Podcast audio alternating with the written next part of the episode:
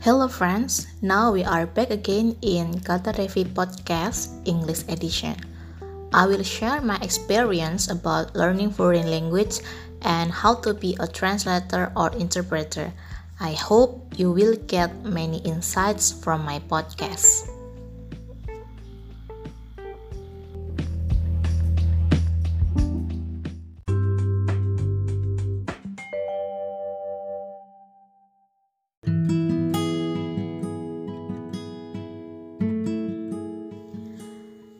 Hello friends, now we are back again in Kata Reffi Podcast.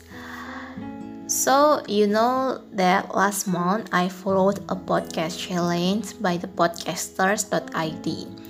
And I'm glad because I can finish the 30 days podcast challenge.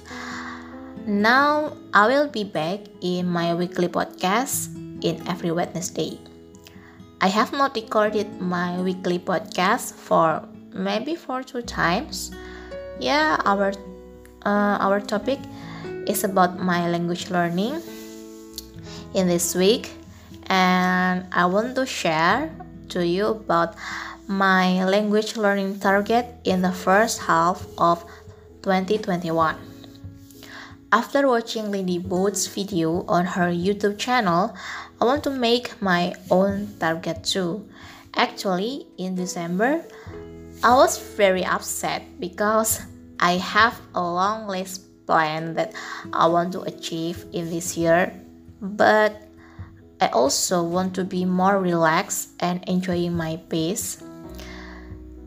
Therefore, I break down my resolution, then ring it into some measurable target.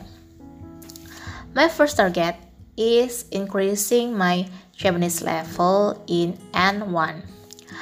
N1 is considered as the highest level in Japanese language. I have started my learning since maybe second half of 2020, but because of the pandemic, the Japanese test was cancelled. I have failed to pass Noryoku Shiken test for three times. Noryoku Shiken is the name of the Japanese language learning test. It is like TOEFL or IELTS. Yes, I have business level certificate called N2. But it is considered a good level. Yeah, I admit it. But I want to have a solid reason to increase my level. So even I failed in my previous test, I feel that I have a progress in my language learning.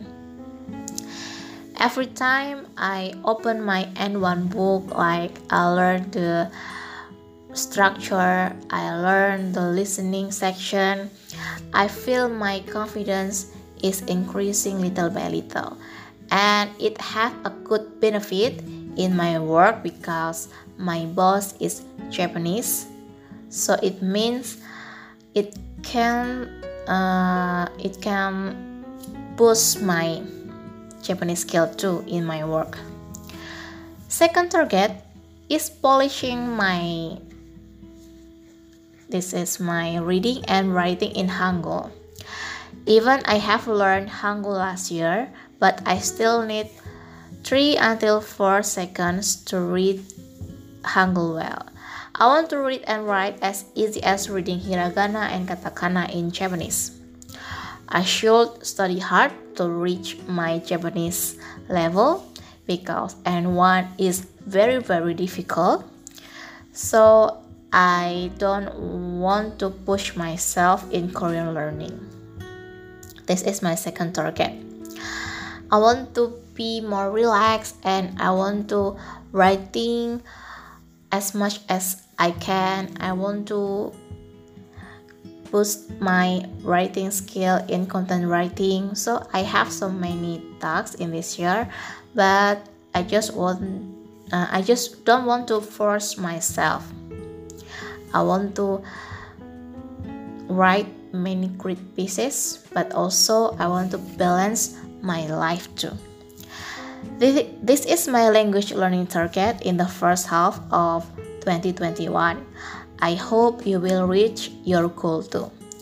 Thank you to listen my podcast. And if you are a new listener, you will listen this English podcast once a month. I give four different topics every Wednesday. They are opinion, writing tips, and short stories in Indonesian language.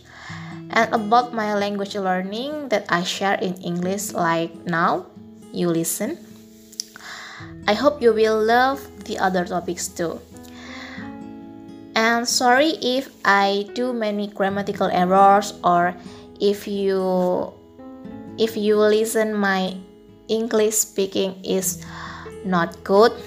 I just want to practice and I just want to increasing my confidence in English because I don't have a friend who speak English and I often use my Japanese in my work so I don't want to lose my skill in English.